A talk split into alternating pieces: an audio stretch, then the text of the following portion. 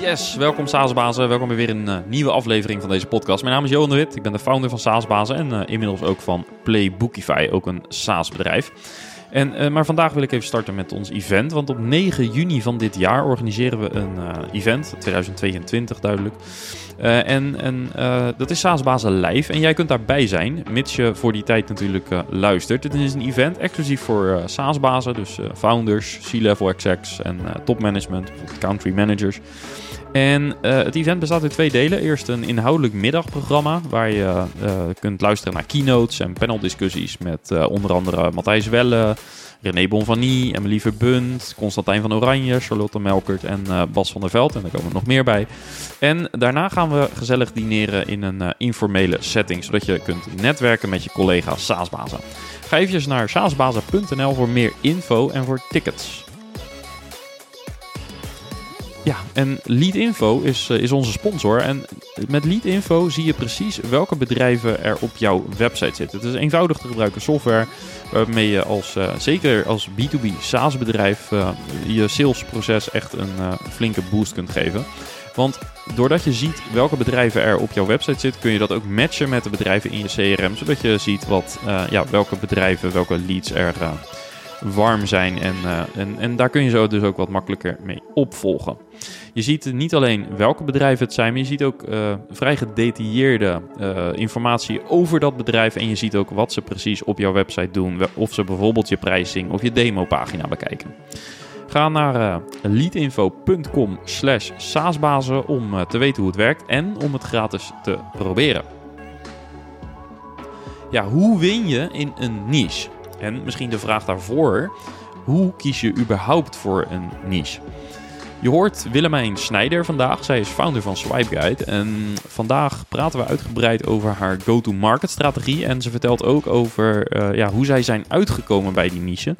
En waarom ze opereren in, in uh, dat segment. En ook waarom ze graag verder willen groeien in die niche. Eigenlijk kortom een, een strategie omtrent niches dus. En ook praten we over de rol van kapitaal. Want ze haalden vorig jaar groeigeld op na een uh, moeilijk jaar door corona.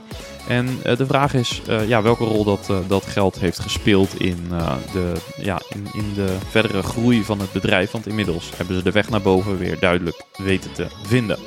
Ja, en Willemijn opereert ook heel internationaal met Swipe Guide. Ze verblijft veel in de VS, een markt waar ze het heel goed doen. En dus praten we uiteraard ook over internationalisatie. Let's go! Ja, Willemijn, van harte welkom in de SaaS Bazen podcast. Dank je. Leuk dat je er bent. Uh, we hadden in het voorgesprek hadden we het al even over uh, nou, een stukje wat, een beetje de persoonlijke dingen. En toen uh, hoorde ik in ieder geval dat je niet zo van Netflix bent. of in ieder geval geen tijd voor hebt. Maar ja, wat doe je verder zoal in je vrije tijd en hoe zou je jezelf omschrijven? Nou, ik zou mezelf omschrijven als een ultieme optimist. Uh, super nieuwsgierig met een relentless drive, maar dat heeft weinig uh, met Netflix te maken. Nee, als mens, ik geniet van, uh, ik vind mijn balans buiten. Ik ben een hardloper, ik zwem buiten, ik zeil. Dus zodra het weer een beetje toelaat, dus ook als het winter is, vind je mij ergens buiten in de duinen, in een, in een meertje. Dit klinkt bijna als een triatleet. Uh, misschien Behalve ooit zwemmen. in de toekomst. Ik was een marathonloper. Oh, wow. Ik heb een aantal gelopen, veel halve marathons. En uh, nou, de laatste jaren er zwemmen aan toegevoegd, puur als mentale balans. Ik merk dan ook dat ik buiten tot de allerbeste ideeën kom. Ik hoop dat mijn team er ook zo over drinkt. dus ze sturen je ook wel eens naar buiten? nou ja, mijn man wel, maar mijn team nog niet. Okay. Misschien gaan ze dat doen Na deze de podcast. Precies. Nou ja, als, over mezelf. Ja, ik heb, wat ik al zei, ik heb een jarenlange achtergrond in business, business development. met name het ontwikkelen en... Uh, creëren van nieuwe producten, proposities die iets te maken hebben met een technologie. Uh, dat deed ik eerst bij een consultancybedrijf en in 2011 ben ik voor mezelf begonnen. Ik heb eigenlijk altijd wel ondernemersbloed gehad. Dat zei mijn moeder altijd. Van, joh, dat, uh, mijn opa had een, een houtfabriek, maakte trappen en deuren. En ze zei, het heeft een aantal generaties overgeslagen, maar dat ga jij ooit nog eens doen. Nou, ik had nog even wat moed nodig om dat te doen, maar uiteindelijk inderdaad in, uh, in 2015 uh, van start gegaan. En zo via een omweg uh, samen met mijn founders uh, opgericht. Ja, en wat was de doorslaggevende factor om het toch te gaan doen? waar heb je de moed mee verzameld? Um, nou, met een rondreis door Azië. met een rugzak, met mijn dochter en mijn man. En toen ik terugkwam, ik werkte heel veel in fintech. En ik had een beetje van ja, als je doet wat je deed, krijg je wat je kreeg. Ik, uh, het gaf weinig voldoening om uh, steeds meer met fintech bezig te zijn. en toen heb ik een eigen bedrijf opgericht, Number 8. met name ja, nieuwe start-ups gaan helpen bij hun go-to-market. onder andere werkte ik aan KNAP en de Windcentrale. En ja, toen kwamen mijn co-founders op mijn pad. op het moment dat ik bezig was met een opdracht. En zijn we samen aan Swipe, gestart. Ja, en kan je iets vertellen over hoe dat toen is gestart? Eh, dus wat was het idee achter Swipeguide? En uh, dan, dan nemen we het waarschijnlijk wel door naar vandaag, waar jullie nu mhm. staan. Nee, heel goed. Ja, nee, we hebben, ik was toen bezig met een, uh, een multi-channel strategie. Dus een klantbedieningsstrategie. En ik was aan het kijken naar chatbot technologie om nou ja, klantvragen beter te kunnen beantwoorden. eenvoudig op te kunnen lossen om zo kosten te besparen. En ook vooral productretouren te besparen. Toen leerde ik mijn compagnon Daan kennen. En hij was toen op dat moment ook bezig met een, heeft een achtergrond in instructietechnologie technologie. En hij was toen bezig met een, uh, een soort applicatie waar mensen eenvoudige recepten en how-to's met elkaar konden delen. En uh, nou, wat onderzoek kwam er eigenlijk achter dat als je kijkt naar uh, productie van nou, allerlei soorten consumentenproducten, dat meer dan 80% procent van alle vragen en productretouren gaan over: ik snap niet hoe ik, hoe ik het moet bedienen. Computer says no. Ik weet niet hoe ik het in elkaar moet zetten. En door middel dan eigenlijk met heel veel bedrijven te gaan praten, kwamen we erachter van: hey, als je dat nou op een hele slimme manier zou aanpakken, als je software zou kunnen maken die proactief klantvragen kan voorkomen en oplossen. Uh, en, en dat ook nog helemaal collaborative kan maken. Dus dat mensen op elkaar content kunnen gaan toevoegen. Uh, nou, dan, dan heb je een hele uh, slimme tool om klantenservice en experience te verbeteren. Maar ja, dat is niet waar we vandaag de dag staan. Nee, want dat, is, dat focust zich meer op de communicatie naar de klant toe. Terwijl jullie volgens mij nu meer in de werkinstructies zitten. Klopt, ja. Dus daar komt een hele mooie wending van de afgelopen jaren vandaan. Als je nu kijkt naar wie we zijn, zijn we een productiviteitsstoel voor de fabrieksindustrie. Uh, in het kort een, uh, ja, de nieuwe digitale standaard voor slimme werkinstructies en operatingprocedures voor machinebouwers en andere producenten. Um, wij doen dat op een hele andere manier. Dus je kunt met SwipeGuide kritische operationele kennis van fabrieken crowdsourcen. Uh, omzetten in digitale standaarden en daarmee eigenlijk de performance verbeteren. Nou, heel eenvoudig uitgelegd. Binnen Heineken heb je heel veel verschillende fabrieken waar ze bier brouwen. Daar hebben ze allemaal dezelfde machines. Die hebben een omstelprocedure nodig. Uh, ze deden dat op elke fabriek bij elke machine opnieuw om zo'n standaard te maken. Vaak nog op papier of kennis zat in hoofden. Nou, met Swipeguide wordt er samengewerkt aan één digitale standaard. Die wordt met elkaar gedeeld. Uh, fabrieksmedewerkers, uh, servicemonteurs kunnen daar uh, verbeterideeën aan toevoegen. Dus in plaats van in 100 fabrieken het, nieuw, het wiel opnieuw uit te vinden, doen ze dat nu via Swipeguide. Ja. En, en hoe kwam die pivot tot stand van die min of meer klantenservice communicatietool naar waar jullie nu staan? Nou, je moet je voorstellen dat als je in het begin, nou je kent het wel, je gaat van start met, een, met het ontwikkeling van het product. We hadden hele prachtige launching customers met QB van Toon en Philips. En dan ga je zo'n product ontwikkelen. Je bent continu in gesprek met je klant om te kijken uh, waar zit nou het probleem? Wat is, uh, wat is het echte probleem wat je wil oplossen? Hoe kun je daar op een nieuwe manier waarde aan toevoegen? En dan staat je product en dan lanceer je het. En dan kom je erachter dat je klanten die het product uh, gaan gebruiken hele andere klanten zijn. Dat je in een andere segment, een andere vertical, een veel groter probleem oplost. Ehm, dus ik, we zagen eigenlijk twee dingen. Binnen de consumentenproducten, oh, de, ja, de ja, consumentenproductenindustrie zagen we eigenlijk dat het een moeilijker was om die om het bedrijf om te bouwen. Dus je kunt een technologie lanceren, maar dat wil nog niet zeggen dat de manier van werken binnen zo'n organisatie verandert. En als je kijkt eigenlijk naar wanneer de eerste instructie voor een koffiezetapparaat wordt gemaakt, dat begint al in het ontwerp van het, proces, eh, van het product zelf. En dan zouden dus eigenlijk al die verschillende afdelingen die niet, niet met elkaar samenwerken via zo'n platform moeten verbinden. En de investering aan onze kant om dat te kunnen doen was dermate hoog. En aan de andere kant zagen we dat toen wij het product lanceerden na zes maanden, dat alle de eerste tien eh, binnenkomende klanten waren allemaal fabrieksvloeren. Hm. Die aangaven van hé, hey, ja, dit is eigenlijk een hele interessante tool. Want uiteindelijk hebben wij een uh, gewoon een horizontaal platform. Met ons platform kun je op een hele eenvoudige manier uh, uh, kennis met elkaar, dus procedurele, kennis, opstellen in how-to's, werkinstructies, manuals. En dat kun je met elkaar delen via apps. En wij kunnen daar op allerlei manieren performance data over afvangen om nou, het proces in dit geval te verbeteren. Dat kan je toepassen op elke taak die nieuw is, onregelmatig of complex. In het begin zagen wij klanten vanuit healthcare, thuiszorg, scholen, nou, onderhoudsmonteurs, maar dus ook ja, producenten zoals Heineken, PepsiCo bij ons binnenkomen. En het verschil was dat ons product daar precies paste in het operationele proces van, van, het, van de fabriek zelf al. Dus daar waar had dat mee te maken? Nou, binnen veel fabrieken wordt met uh, lean manufacturing of uh, operational excellence gewerkt. Waarbij al gezegd wordt dat niet, niet alleen om compliance en veiligheidsredenen, maar uh, ook om performance standaarden wordt gezegd: het is belangrijk dat mensen met standaard, uh, standard operating procedures werken om ervoor te zorgen dat we continu meten en verbeteren. Ja. Nou, en wat is nou uniek in ons platform? Je hebt niet lange implementatietijden nodig. Het is een appje zoals je meeste mensen al gewend zijn om op een telefoon te hebben. Je kunt zelf heel eenvoudig zo'n standard operating procedure maken. Onze, uh, de UX van onze app is zo ingericht dat het platform je allerlei tips meegeeft om een effectieve instructie te maken.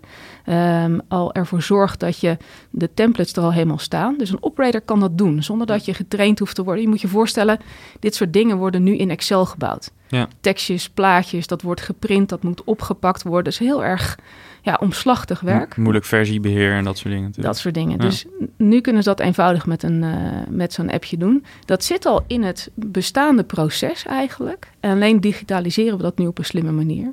En uh, in zo'n uh, omgeving waar ze met lean manufacturing werken, is het verzamelen van verbeterpunten heel belangrijk en die performance data afvangen. Nou, nog een keer, dat wordt vandaag de dag gedaan op papieren checklist of geplastificeerde uh, velletjes waar ze dingen op invullen. Ja, nu kun je dat allemaal in één en dezelfde applicatie afvangen.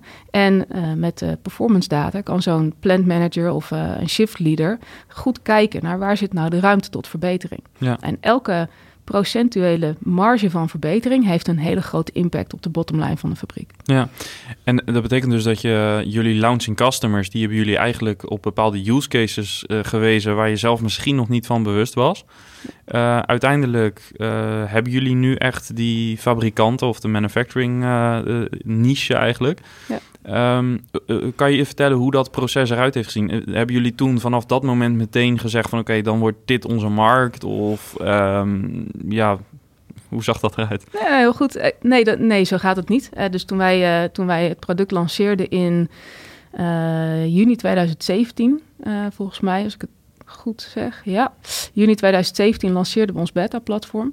Uh, toen hebben we eigenlijk gezegd, nou, we gaan nu uitkijken, hè, uitdenken en zien waar het product het meeste waarde toevoegt. Nou, we hadden toen, wat ik al zei, klanten vanuit eigenlijk allerlei markten.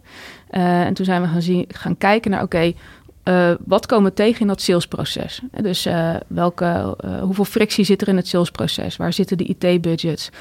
wat zijn de sales cycles? We waren wel al snel erachter dat je dat niet op al die verschillende industrieën kan doen. Dus wij hebben op een gegeven moment gekeken waar de eerste, eerste negen verticals zaten waarin wij tractie hadden. Toen hebben we gezegd, nou dat zijn de negen verticals waar we dan ons nu ook even op gaan richten. Uh, en we zijn binnen die verticals heel erg gaan kijken naar wat is de dynamiek in die vertical. Als je kijkt naar de IT en uh, ontwikkelingen, qua spendings, naar de digita digitale transformatie, naar de awareness van de koper, uh, de implementatie en de rollout. Uh, uh, daar zijn we data over gaan verzamelen voor ongeveer een jaar. Uh, en toen zijn we langzamerhand die shifts gaan maken. En hoe heb je dat gedaan, die data verzamelen? gewoon door heel goed te kijken naar wat er gebeurt met je, met je sales cycle, wat je ARPA is op zo'n klant, hoe snel je kan doorrollen naar, naar andere use cases bijvoorbeeld. Ehm, de, dat soort unit economics. En vervolgens zijn we ook gaan kijken naar wat gaat die markt, uh, gaat zo'n vertical over de komende jaren doen? Waar zit, uh, uh, waar zit de, ja, de ruimte tot innovatie? En ook hoe kun je vanuit het product wat we vandaag de dag hebben, kijken naar de toekomst hoe je je, nou ja, je share of wallet kunt ver, verbreden. Want wat je ziet is als je horizontaal gaat, heb je toch wel uh, hele diepe, uh, ja, diepe zakken nodig qua investering om het door te ontwikkelen. En wij hadden dat niet. We zijn begonnen met 300.000 euro investering. en dat is, dat, dat is snel klaar. Nou, dan zie je vervolgens dat de allergrootste tractie van een bepaalde markt vandaan komt. En dan is het denk ik een combinatie van opportuniteit um, en, en, en, beschikbaarheid van, van budget en je tractie. Dat je zegt, nou dan gaan we daar ons op, ons, ons op toelichten. Wat op zich, um, als je terugkijkt, Het is ook niet de meest eenvoudige weg. Hè? De manufacturing industry is best wel een tech-lagging industry. Ja. Um, maar we zagen wel dat hoe meer we ons daarop gingen toeleggen, dat je ziet dat die digitale transformatie van, uh, uh, van de industrie staat nog helemaal in zijn kinderschoenen. Ja, een beetje industrie 4.0, wat jullie ook, uh, waar jullie ook eigenlijk de propositie aan koppelen volgens mij. Ja, nu wel. Hè? Dus we hebben in de afgelopen jaren geleerd wat is nou. Hè? We zijn heel erg gaan inzoomen op de industrie. Wat speelt er? Wat, wat zijn de trends in de komende jaren? Er is een hoge druk tot verduurzaming van de manufacturing industrie. Um, je ziet dat die verduurzaming uh, te, uh, kan, kan alleen maar komen vanuit verdere digitale transformatie. Daar zit heel veel ruimte tot verbetering. Uh, en die markt is, is de afgelopen jaren zeker heel hard, sinds corona ook in beweging gekomen. Ja. Um, en je ziet dat de grote adoptie van technologie moet daar nog komen. Tegelijkertijd zie je dat uh, waar ze vandaan komen. Dus het is, het is een industrie echt die nog qua hardware, moet je voorstellen, uh, machines uit de jaren 50 en 60 hebben staan. Dus die moeten een soort enorme sprong maken. Uh, waarbij het digitaliseren van de interactie tussen mens en machine een hele grote kans is. Nou, en dat, wat je, wat je voelt van, nou, hoe doe je dat nou? We hebben, we hebben eerst gekeken van, nou, in die verschillende verticals, Um, waar is de hoogste waardecreatie van het product? Dus waar zitten de touchpoints in je product waardoor mensen het gebruik in het product gaan versnellen? Wat is de feedback van zo'n gebruiker daarover? Waarom ervaart uh, hij of zij die waarde daarin? Dat is allemaal onderzoek die we gedaan hebben. En dat hebben we gecombineerd met opportuniteit. Dus hoeveel van de markt kan je nog vangen? Hoe groot is die markt? Nou, de manufacturing industrie is echt miljarden groot. En als ik dan even inzoom uh, op een, uh, een, aantal segmenten, dan zie je al gauw dat die, dat die markt uh, 900.000 fabrieken groot is in, in Europa. Um, en vervolgens hebben we, hebben ze steeds verder teruggesneden. Dus eerst gaan kijken op waardecreatie van het product, time to first value van zo'n klant, hoe kan je het doorrollen. Toen hebben we het ietsje verder uh, gescoopt en we zeggen, nou, we gaan ons toeleggen op uh, inderdaad productieomgeving. Uh, dat kan dus ook field service engineering zijn, dus echt gedistribueerde teams in de wereld die op een bepaald productieproces, onderhoud of omstelprocedures samenwerken. Nou, en vervolgens zijn we daar nog verder op gaan toespitsen. En is die markt eigenlijk ook wel heel groot. En die beachhead, onze beachhead market was echt food and beverage manufacturing. Dat zag je ook onze eerste grote rollout klanten. Heineken, Coca-Cola, PepsiCo, Orkla. En dat is al redelijk uh, uh, uniek, zeg maar. Een hele specifieke procesdynamiek. Um, toen zijn we gaan kijken, nou, in coronatijd hebben we ook gewoon moeten bootstrappen. En dan zie je wel dat het verschil in zo'n sales cycle tussen de ene fabrikant en de andere fabrikant. Zoveel kennis hadden wij op dat moment ook gewoon niet in huis. We, hadden, we gingen terug van zes salesmensen naar twee. Nou, dat is, en dan, kun je, dan moet je gewoon focussen op daar waar je kracht zit. Waar je een use case hebt die ja, proven is beyond any reasonable uh, doubt, zeg maar. Nou, die hebben we met die, met die grote namen. En van daaruit verder uh, ontwikkelen. Nou, en vervolgens hebben we de afgelopen jaar de stap gemaakt naar okay, we zien nu heel duidelijk welke use cases bij uh, de klant een bepaalde waarde leveren. Nou, die kan je vertalen naar andere industrieën, uh, dus andere productieindustrieën. En gaan we weer van hyper niche naar iets breder. Hm.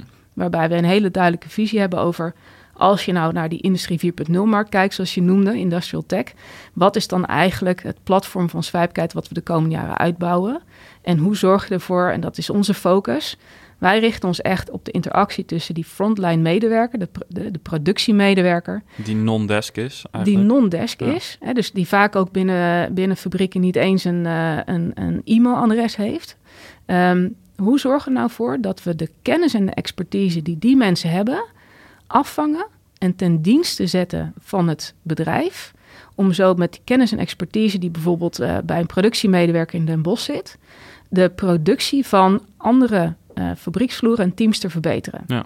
En dat kun je toepassen. Wij kiezen voor een hele eigenzinnige richting. Je kunt je voorstellen dat productie gaat over veiligheid en compliance en controle.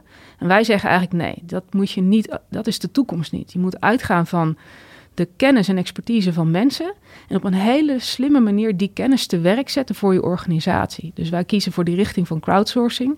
En dat kun je toepassen op uh, nou ja, kennis, maar bijvoorbeeld ook op skills, op het vinden van verbeterideeën. En wij, wij zoomen dus helemaal in nu op wat zijn eigenlijk de jobs, die, de, de taken die zo'n medewerker tussen uh, aan de lijn doet, in de, in de actie met de lijn.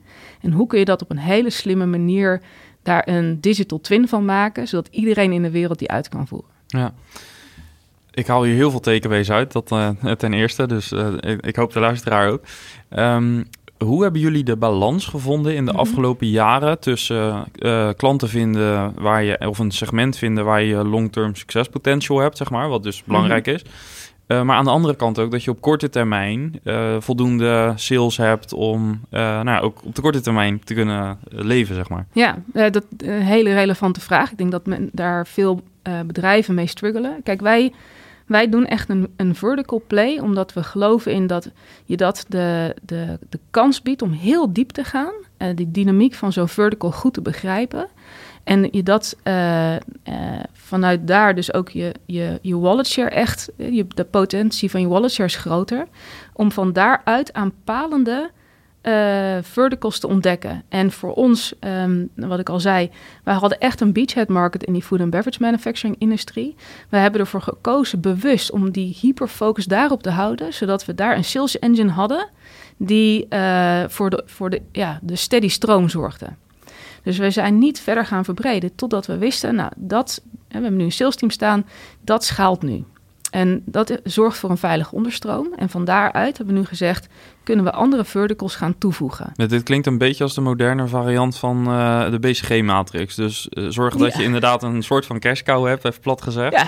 Uh, en ondertussen aan de slag gaan met experimenten om soortgelijke profielen te targeten. En, ja, nou, wij hebben echt gezegd, we moeten echt heel goed begrijpen wat de use cases zijn die we oplossen en hoe we die kunnen vertalen naar de andere industrieën. Want ja, um, bij ons wordt wel gevraagd van ja, maar luister, je hebt, uh, ja, iedereen kan uh, Heineken maken. Heineken maakt overal ter wereld hetzelfde bier, maar wij zijn, uh, nou, ik noem maar wat, een, een hele grote papierfabrikant. We hebben papiermolens, we hebben papier, verwerkingsprocessen, we hebben overal verschillende. Hoe vertaal je nou een, een omstelprocedure van de ene klant door naar een use case die je kunt monetizen bij een andere klant? Nou, dan moet je zelf wel echt heel goed begrijpen. Uh, dat is de route die wij, die wij gekozen hebben. Ik ben altijd nieuwsgierig van nou, wat, wat vindt een ander daar nou van. Ja. Dat is wat voor ons gewerkt heeft. En dat heeft, uh, dat heeft twee kanten. Had ik graag meerdere verticals direct tegelijkertijd geschaald? Ja, absoluut. Ik denk dat je dat, uh, dat hadden we graag gewild. Maar in 2020, toen de COVID-uitbraak gebeurde, was het voor ons ook wel gewoon zo dat de hele global supply chain op slot ging. En geen fabriek in de wereld in 2020 was bezig met digitale transformatie. Ze waren bezig met overleven. En pas sinds 2021 is er een versnelling gekomen in die digitale transformatie. Wij kunnen daar nu wat harder ook op meeliften en sneller eigenlijk andere verticals toevoegen. Dus nu ga je eigenlijk uit het, niet helemaal uit het vertical denken, maar het is eenvoudiger om zo'n nou, zo'n use case te kunnen vertalen. Ja. ja, en als we nog een paar jaar verder kijken, waar liggen de kansen voor Swipe Guide nu in de komende jaren? Nou, dat is, die is heel duidelijk uh, voor ons. Uh, je ziet dat, um, uh, kijk, nu op dit moment zit je nog in een soort van initiële adoptie van technologie binnen die omgevingen. Je ziet nu dat in een rap tempo de IT-afdelingen van grote fabrikanten nou, professionaliseerd en groter worden. Um, en daar waar de eerste klanten zeiden van nou ja, de, uh, één, twee use cases is interessant, hebben we nu wel een visie ontwikkeld op oké, ja, dat, dat hadden we al, maar nu wordt die duidelijker ook doorontwikkeld. Is um, wij willen een platform zijn wat eigenlijk alle kennisprocessen tussen mens en machine digitaliseert en standaardiseert. Dat gaat niet alleen maar over werkinstructies, maar dat gaat ook over ja, hoe kun je nou ervoor zorgen dat skills en skills assessment aan de lijn met uh, op, een manier van peer review, dus crowdsourcing kan aanpakken.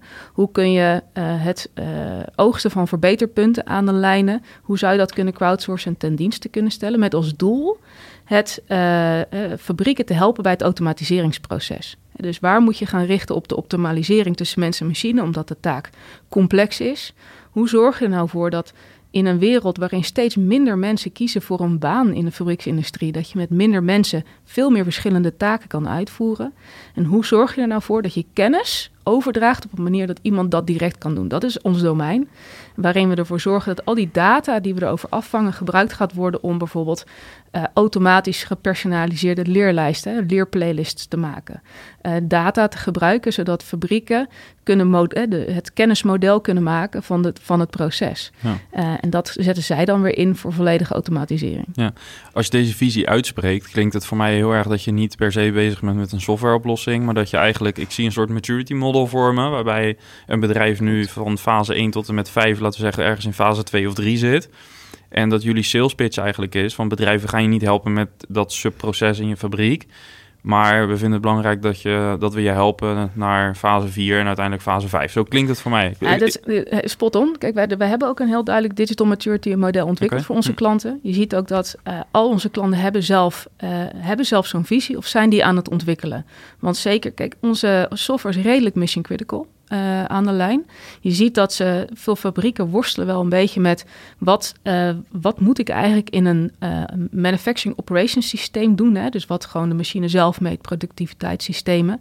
Um, en, en heel lang is de aspect van de, de medewerker met de kennis aan de lijn is vergeten. Nou, nu zie je dat daar veel meer belang bij komt. maar wat ze kiezen is, een, is ook een meer, meerdere jaren commitment. Dus je hm. moet uh, dat is onze gedrevenheid, maar dat is ook, wordt ook gewoon verwacht vanuit de markt. Men kiest een, een oplossing die mee kan gaan in die hele transformatie. Ja. Of uh, die, die hun zelfs meeneemt misschien wel. In sommige gevallen meeneemt, ja. Je ziet inderdaad echt wel dat uh, waar je in 2020 en 2019 bezig was om, uh, om mensen echt aan het handje mee te nemen, zien wel dat bedrijven een stukje volwasser worden in die strategie. Dat veel bedrijven er één hebben liggen. Maar ja, wij zitten nu nog, ik noem het maar, we're scratching the surface. Dus wij zijn een enterprise oplossing. Uh, dat betekent dat je op dit moment nog werkt met allerlei grote bedrijven in de wereld die die resources hebben. En wij zijn, doen nu ook een stap naar mid-market. En dan zie je al inderdaad, nou, dit is iets wat wij klanten kunnen bieden. We kunnen ze laten zien waar het de komende jaren heen gaat. En we hebben een hele duidelijk domein waarin wij op een hele, ja, denk ik, eigen manier een uh, waarde toevoegen. Ja. Um, uh, en daarmee nemen de, ja, de klanten gewoon mee aan de hand. Ja. En is er in zo'n proces ook bijvoorbeeld nog wel eens een consultant betrokken, niet vanuit jullie, maar bijvoorbeeld vanuit zo'n klant, zo'n zo'n manufacturing business, dat die met een innovatieconsultant of iets dergelijks aan de slag gaat, of misschien wel Kaizen of Lean consultants, die dan invloed hebben op het aankoopproces van uh, Swipeguide in positieve of negatieve zin? Dat zien we wel steeds meer gebeuren. Ja, dat was, uh, dat was zeker in uh, 2017, 18 en 19 niet het geval. Um, er waren veel, veelal bedrijven waren zelf bezig met alle innovatieprogramma's. Je ziet nu steeds meer dat uh, de grote consultancies daar een visie op ontwikkelen. Uh, neem alleen maar de, de, Siemens heeft een eigen experience center hier vlakbij Den Haag staan, waar ze de toekomst van de, de fabriek neerzetten. Er zijn uh, zeker allerlei um, ja, lean manufacturing adviseurs die daar een rol in spelen. Wij komen ze persoonlijk nog niet zo heel veel tegen. Wel in de Aziatische landen. Hm. daar komen ze meer tegen. Dat heeft ook te maken denk ik, met allerlei cultuurverschillen. Ja, en Toyota, die is daar natuurlijk ooit de grondlegger van geweest, toch? Van het lean denken. Ja, dat klopt, maar dat zit over de hele wereld gelukkig. Ja, inmiddels wel, hè? Gelukkig ja. wel. Ja, nee, dus dat, uh, er komen wel eens adviseurs aan te passen. Nog niet heel veel. Ik denk dat dat wel, naarmate die markt volwassen wordt, steeds meer gaat gebeuren. Is dat een kans of bedreiging voor jullie? Nee, ik denk dat dat voor ons een grote kans is. Hm. Ja, we zien nu al dat we, in de, in, als je kijkt naar onze partners, dat we ehm, in gesprek zijn om, om ervoor te zorgen dat wij helpen uh, vanuit onze thought leadership. Uh, geven, uh, we leveren een bijdrage naar hoe er wordt gekeken naar nou ja, dit soort kennisplatformen, om het maar zo te noemen. er is een enorme shift geweest in, in de afgelopen 2,5 jaar in het denken. dus in plaats van 2,5 jaar geleden waren de meeste fabrieken bezig met een volledige automatiseringsstrategie. En werd er helemaal niet gekeken naar de rol van fabrieksmedewerkers en de kennisoverdracht die nodig is om eigenlijk die automatisering te versnellen. Nou, eh, toen kwam de COVID-golf en is er zeker in Amerika, zag je gewoon een hele grote golf van mensen die ontslag namen, andere industrieën zocht, uh, kozen. Zeker omdat er een heel groot gat is tussen de wereld waarin zij leven en de wereld waarin je instapt als je de fabriek ingaat. Ja, en uh, door gesprek te blijven voeren met de grote consultancies, met de grote, hè, met de partijen zoals een Gartner, uh, heb je invloed, uh, al is maar een klein beetje, heb je invloed in, in de perceptie van de markt. En zeker in zo'n early stage markt waarin we nog steeds zitten, is het belangrijk dat je helpt vorm te geven aan nou, de verwachtingen van die markt. Ja als ik zo een beetje luister, heb je dus heel vaak beslissingen moeten nemen, al soms macro, soms micro beslissingen in het kiezen van een niche, toch weer wat breder gaan, wat gefocuster juist. Um, welke rol speelt emotie daarin en welke rol uh, speelt data daarin? Hoe zit die verhouding? Ja, dat, dat uh, vind ik heel leuk. Ja, uh, data is uh, de allergrootste drijver van de, van de keuzes. Dat, dat moet je gewoon, je moet gewoon je moet gewoon heel goed kijken naar zeker als je gewoon nog een, uh, ik zeg altijd maar, je hebt altijd een datum achter uh, je naam staan als bedrijf. En zeker dan, je moet gewoon heel uh, data-gedreven keuzes maken. Kijk naar het potentieel, staat de maturity van je markt. wat ik al zei, time to value, al je unit economics, die tellen daarin mee. Maar ik weet wel dat in het begin ehm, waren we een klein team van mensen, acht swipies om het maar zo te noemen. en toen hebben we helemaal in het begin een keuze gemaakt en daar speelde emotie wel mee. Um, want wij zagen gewoon, hadden toen nog weinig data. Um, maar uit klantfeedback lazen we terug uh, de impact die we hadden gewoon op het, de, gewoon de dag van de gemiddelde fabrieksmedewerker. En die feedback was zo mooi om te lezen, uh, dat je dan denkt van oké, aan de ene kant maak ik een impact op uh, klantervaringen met, nou ja, met een digitale user manual, met een platform waarmee mensen zelf hacks kunnen maken op hoe je dingen doet in, met, een, met een product. Uh, en aan de andere kant krijgen we bedankt uh, mailtjes en chats via de klant, uh, zo'n customer support channel.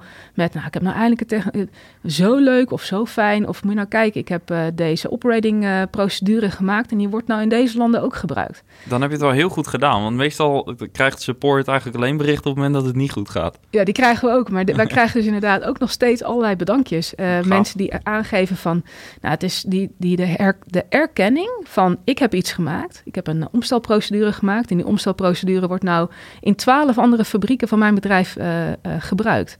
Of uh, ja, dat soort dingen. Dus dat heeft in 2018 ook een rol gespeeld. Hm. Kleine rol, maar als je dan kijkt naar waar wil je, wat voor soort bedrijf wil je bouwen, dan, dan kijken wij heel erg naar dat de, zeg maar, de impact die we maken voor mensen in het dagelijks leven, dat geldt ook voor ons eigen team. En ons eigen team gaf ook heel duidelijk terug dat deze industrie Hè, dat is ook, je kan er vanuit duurzaamheid best wel door twee ogen naar kijken of twee invalshoeken. Het is niet de meest duurzame industrie. Het is soms uh, nou ja, tranentrekkend als je kijkt waar onze software opereert. Ja. Maar als je dan kijkt naar de impact die je maakt, gaf ons team ook heel duidelijk terug. Maar dat geeft ons ook gewoon veel meer gevoel van happiness en waardering. Dat je, dat je uh, een softwareoplossing maakt die er echt toe doet voor iemand. Ja.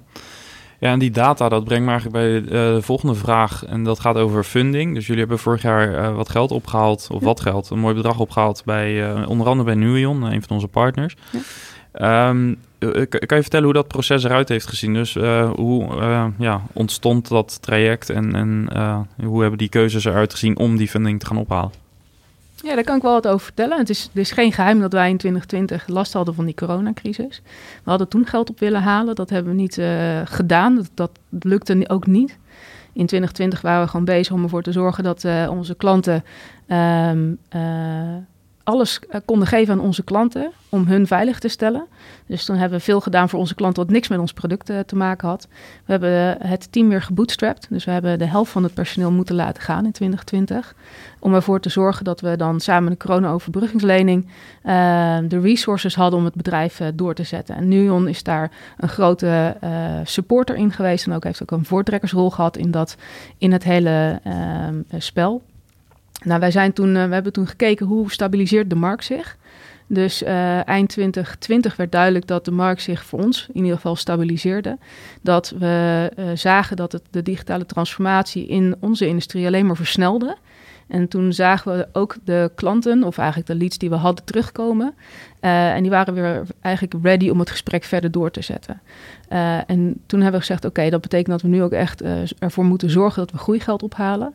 Dus wij, hadden gewoon in 2020 uiteindelijk nog een hele goede groei, omdat ons sales cycle wat langer zijn. En toen hebben we gezegd, nou dan is het belangrijk dat we nu ook echt gaan kijken naar als het gaat versnellen. Dat we een goede ronde met groeigeld ophalen. Om in 2021 en 2022 door te kunnen pakken richting een Series E.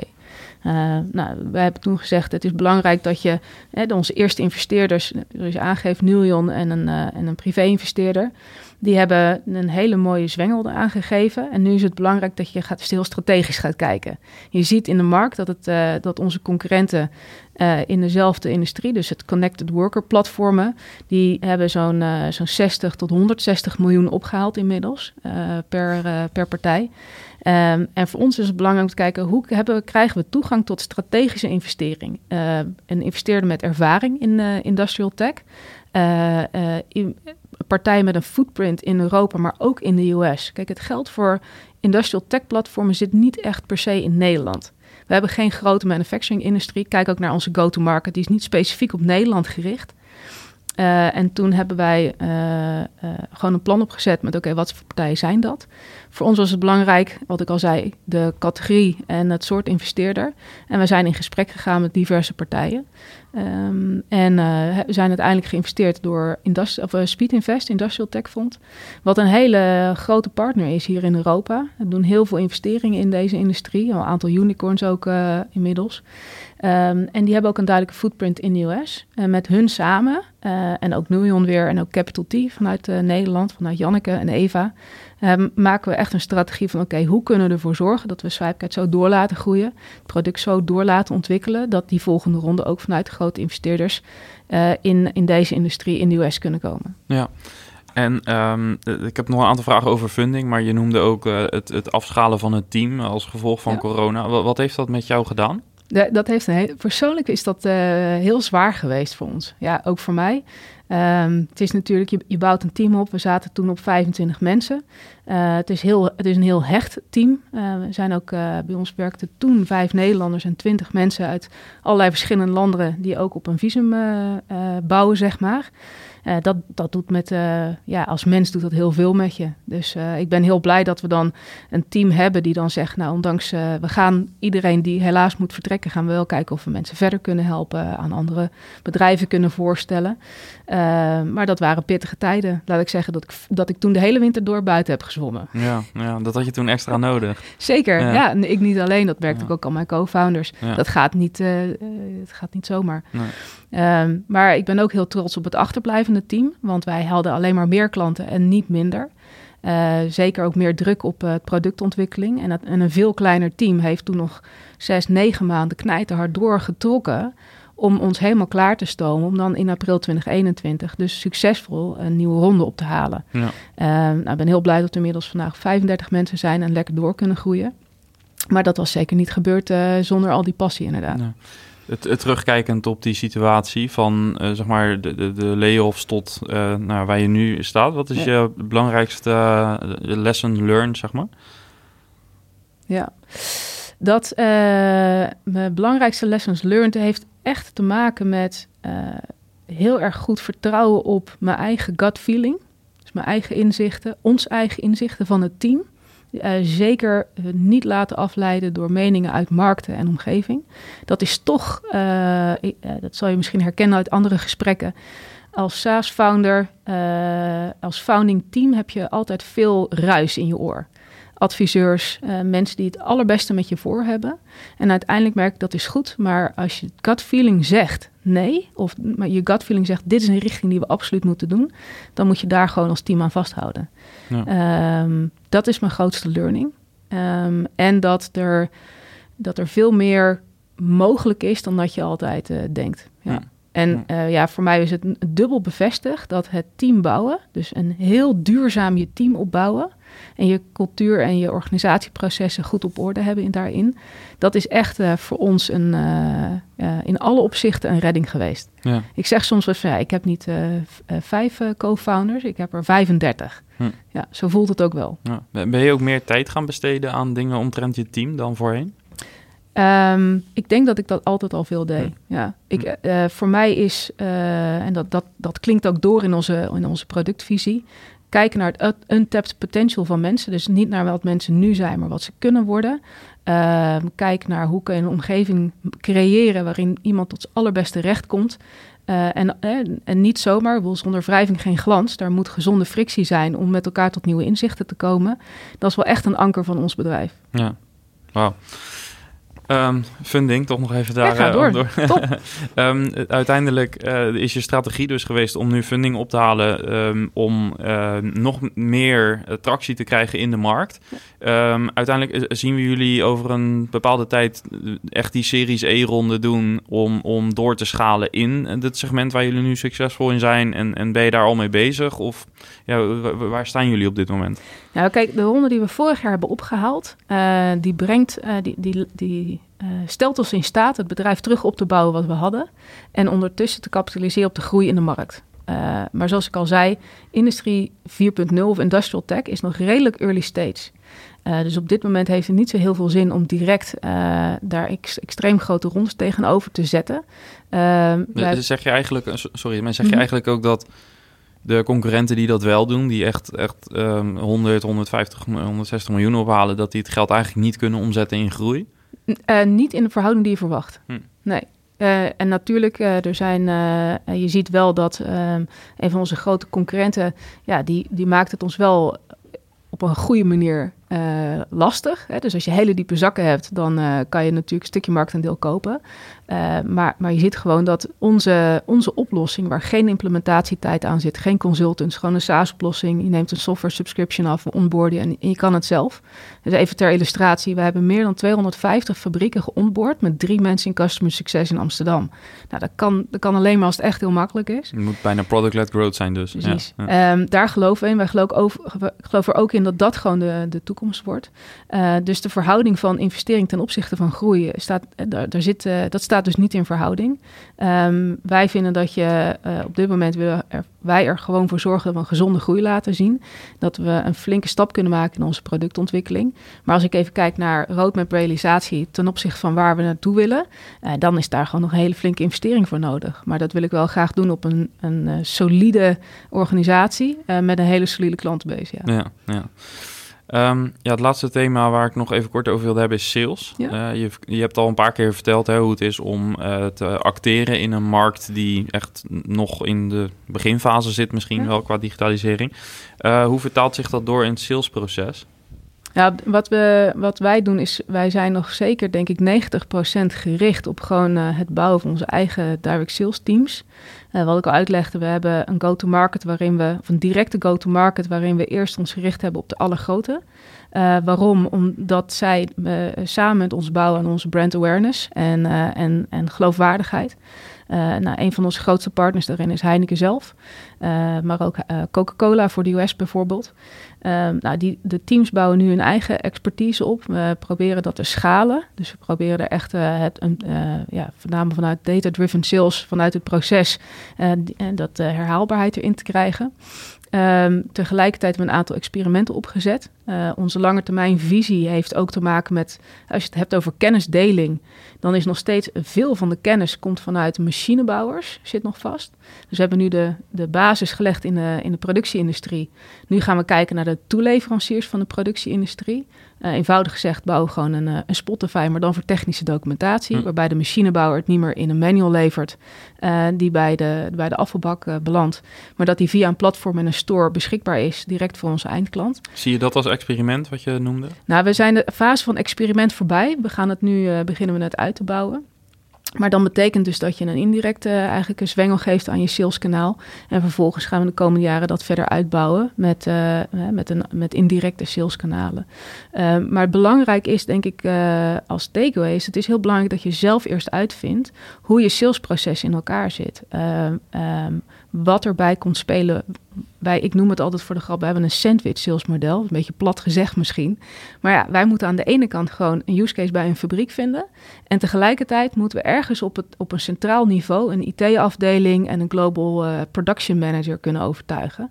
En dat, dat, het een kan niet zonder het ander. Nou, eigenlijk in al die fases heb je essentiële learnings die je nodig hebt om uh, om te kunnen schalen, het kunnen over laten slaan naar andere verticals en om ervoor te kunnen zorgen dat je precies weet wat voor partners je nodig hebt als je naar een indirect distributie uh, opzet wil. Ja, en, en uh, als jullie het aan IT nog moeten verkopen, um, ja, wat, is jullie, wat zijn jullie takeaways daar geweest? Want dat is uh, nog steeds een hot item. Dat is nog steeds een, een hot item, inderdaad. Ja, um, we, we partneren inmiddels ook met, uh, een, uh, met een andere partij die een softwareoplossing aan het bouwen is om mensen in manufacturing IT-rollen uh, zeg maar op te leiden tot hoe koop ik nou uh, uh, cloud-oplossingen voor de manufacturing-industrie. Dat gaat niet alleen over ons, maar dat gaat ook over nieuwe ERP-systemen, MES-upgrades. Um, de takeaway daar is hoe vroeger, hoe beter. Het bestaansrecht van dat bedrijf laat al zien hoe moeilijk het Precies. is. Ja. Nee, dat is echt pittig. Kijk, wij hebben wat, wat, wat ons uh, heel veel ruggensteun geeft, is wij verkopen dit standalone. Dat hebben we tot nu toe bij alle bedrijven gedaan. We zeggen, je begint gewoon standalone. Terwijl, uh, ga ermee aan de slag. Het levert direct waarde op uh, voor, de, voor de teams aan de, aan de lijnen. En tegelijkertijd gaan we daarna het gesprek aan. Dat doen we al vooraf. Maar gedurende het hele proces kunnen wij met IT-afdeling om tafel. Want de integratie zit vaak in de andere kant. Het is de frontline app gebruik je standalone. En eigenlijk zijn alle, alle data-integraties met een ERP of een MES-systeem of de data lakes, dat kunnen wij allemaal achteraf inbouwen hm. met de IT-afdeling. Dus onze pitch is eigenlijk altijd, je kunt gewoon beginnen en over negen maanden als je IT-afdeling door de backlog heen is, dan, dan gaan we daarmee, daarmee verder. Ja, slim. Dat is misschien ook inderdaad voor luisteraars die ook een beetje worstelen met dit probleem ook best wel een interessant inzicht. Uh, om, om te kijken of je eerst uh, de frictie kan overslaan. Zeg maar. Dus kan je eerst desnoods met een lichtgewicht versie van het product. Hè. In jullie geval hoeft dat misschien niet, maar bij andere producten zou dat misschien kunnen. Zodat je binnen bent. Ja. Wat je dan misschien ook creëert, is dat jullie gebruikers, dus wat je klanten zijn, maar de, de, de frontline medewerkers, die gaan misschien uh, ook hun best doen voor jullie om Swipeguide te verkopen aan hun IT-team. Ja, dat, zo hebben wij uh, laatst een grote alu uh, aluminiumproducent van Griekenland is dat uh, de aanpak ook geweest. dus inderdaad, ik zou mensen adviseren als het lukt, zorg ervoor dat je een licht, een lightweight product standalone kan gebruiken en om zelf inderdaad de directe IT-integratievraagstukken Um, en wij zien eigenlijk dat, dat is ook onze, onze markt, die komt nergens eigenlijk uh, verder, zodat je, zonder dat je eerst een pilot hebt gedaan. Nou, wij zeggen eigenlijk, oké, prima, pilot, doorrollen, neem een licentie, ervaar het. Je ziet dat wij zien dan echt dat het product adoptie uh, de, maand over maand is 10 tot 15 procent in alle feature adoptie. Ja, dan, dan bouw je al heel snel kritieke massa op van die kennis in dat platform, de, ook de procedures in dat platform. En heel vaak slaat het dan over, in ons geval slaat het over op andere locaties van de, van de producent. En dan slaat het terug naar IT. Maar dan kom je eigenlijk al bij die afdeling terecht met heel veel use cases. Ja. Het is bijna een beetje een Trojaans paard. uh, voor ons is dat, we moeten heel erg zeggen, heel erg heel eerlijk over zijn. Ik weet, we weten hoe belangrijk de integratie is. Hè? Dus uh, integraties met ERP en MES-systemen en data lakes. Want dan ben je veel meer embedded in de, in de technologie stack van de fabriek. Ja. Maar het is ook gewoon onze visie op eenvoudige applicaties ontwikkelen. Ja. Het is toch idioot dat als je een fabrieksmedewerker bent. Uh, mijn broer dat dat dag op dag, die zit achter zijn computer. Die, moet een, die, is, die is mechanical engineer en die moet dan in Excel of in andere complexe systemen, moet hij, uh, denk ik wel, hij is denk ik zeven uur bezig om één procedure te bouwen. Terwijl als ik dan kijk naar allerlei productiviteitstools die voor jou en voor mij achter een computer beschikbaar zijn, het is toch niet van deze tijd. En dat is, uh, dat is gewoon het gat wat we onder andere proberen te dichten. En daarmee hebben we een oplossing die je gewoon standalone kan gaan gebruiken. Ja. En dan gaan wij de rest van, van de problemen met je IT-afdeling wel tackelen. Ja. ja, het is ook een thema in de afgelopen uh, ja, jaar vooral wel geweest, ook binnen de SaaS community, om, om de, de manieren te vinden om meer in te zetten op product-led growth. Ja. dus meer bottom-up starten, dus echt bij de gebruiker. Dus verkoop het aan de gebruiker in plaats van aan de bijer. Um, en en uh, zeker de saboteurs die mogelijk in het proces zitten om die toch te proberen om uh, die te omzeilen in het begin. Hoe uh, manipulatief dit misschien ook klinkt, dat is natuurlijk gewoon uiteindelijk ook in het voordeel van het bedrijf zelf. Dat ze eerst uh, waarde ervaren. En, en uh, wat de, het voor beide, denk ik, veel interessanter maakt. Ja, die strategie, daar, daar uh, weet je, 100% In ons geval hebben we nog even de uitdaging dat de gebruikers die het kopen, hebben geen kracht om. Sorry, de gebruikers die het omarmen, hebben niet kracht om te kopen. Nee. Dus daar zit geen budget. heel simpel, niemand in de fabriek heeft een creditcard om een softwareoplossing even te kopen. Nee. En ze hebben misschien dus ook geen mailadres. Dus er moet een account aangemaakt worden, zeg maar. Daar, daar begint het eigenlijk al. Ja, dus dat, en dat, er zitten altijd binnen fabrieken natuurlijk mensen eh, de, die dat kunnen. Dus uh, productiemanager. De productiemanagers, ja. plant managers, shift leaders. En het hangt heel erg af van het type fabriek. Hè. Je hebt, je hebt uh, producenten die heel erg gedigitaliseerd en, gemoderniseerd zijn. Maar inderdaad, ik, ik noem nog even een aluminiumfabrikant. Nou, dat, daar is nog alles op papier, is niet eens een incheck. Um, maar eh, het gemiddeld genomen, en dat is denk ik het uh, voor ons heel interessant om ze uit te dokteren, is oké, de, de, de gebruiker en de champion, ja, die heeft niet het budget of de vermogendheid om te kopen. Nee. Daar sorteren we wel op voor. Geloof, wij geloven er heel erg in, en dat, zie ook, uh, dat zien we ook gebeuren in de markt, dat die, uh, het aanschaffen van digitale productiviteitstools binnen, binnen fabrieken verschuift. Van hoofdkantoren naar regio, straks naar de plant zelf. En dan zijn wij daarop voorbereid. Ja. We zijn een beetje uh, over de tijd. maar ik zou je toch nog willen vragen of je één ja, finale tip zou willen delen met de luisteraar. Dus misschien ook nog een, een lesson learned waar ik niet naar gevraagd heb. op gebied van ja, het runnen van een SaaS-bedrijf. Ja, ik denk dat dat al. Ik denk dat ik hem al geroepen heb. Ehm, maar voor mij, mijn belangrijkste learning, en ik houd maar gewoon dicht bij mezelf en, en ik ben, hopelijk biedt het inspiratie, is cut out the noise. Dus vertrouw op je intuïtie, vertrouw op je kennis en de expertise die je hebt opgebouwd over je markt en je product. en laat dat leidend zijn en luister meer naar je team dan naar alles wat er anders in je oren fluistert. Uh, daar geloof ik heel erg in. Ik geloof er heel erg in dat dat tot duurzaam, ja, duurzaam resultaat leidt voor je team, je aandeelhouders, de gebruikers waarvoor je het doet. Cut out the noise. Cut out the noise, precies. Oké, okay, thanks. Dank je.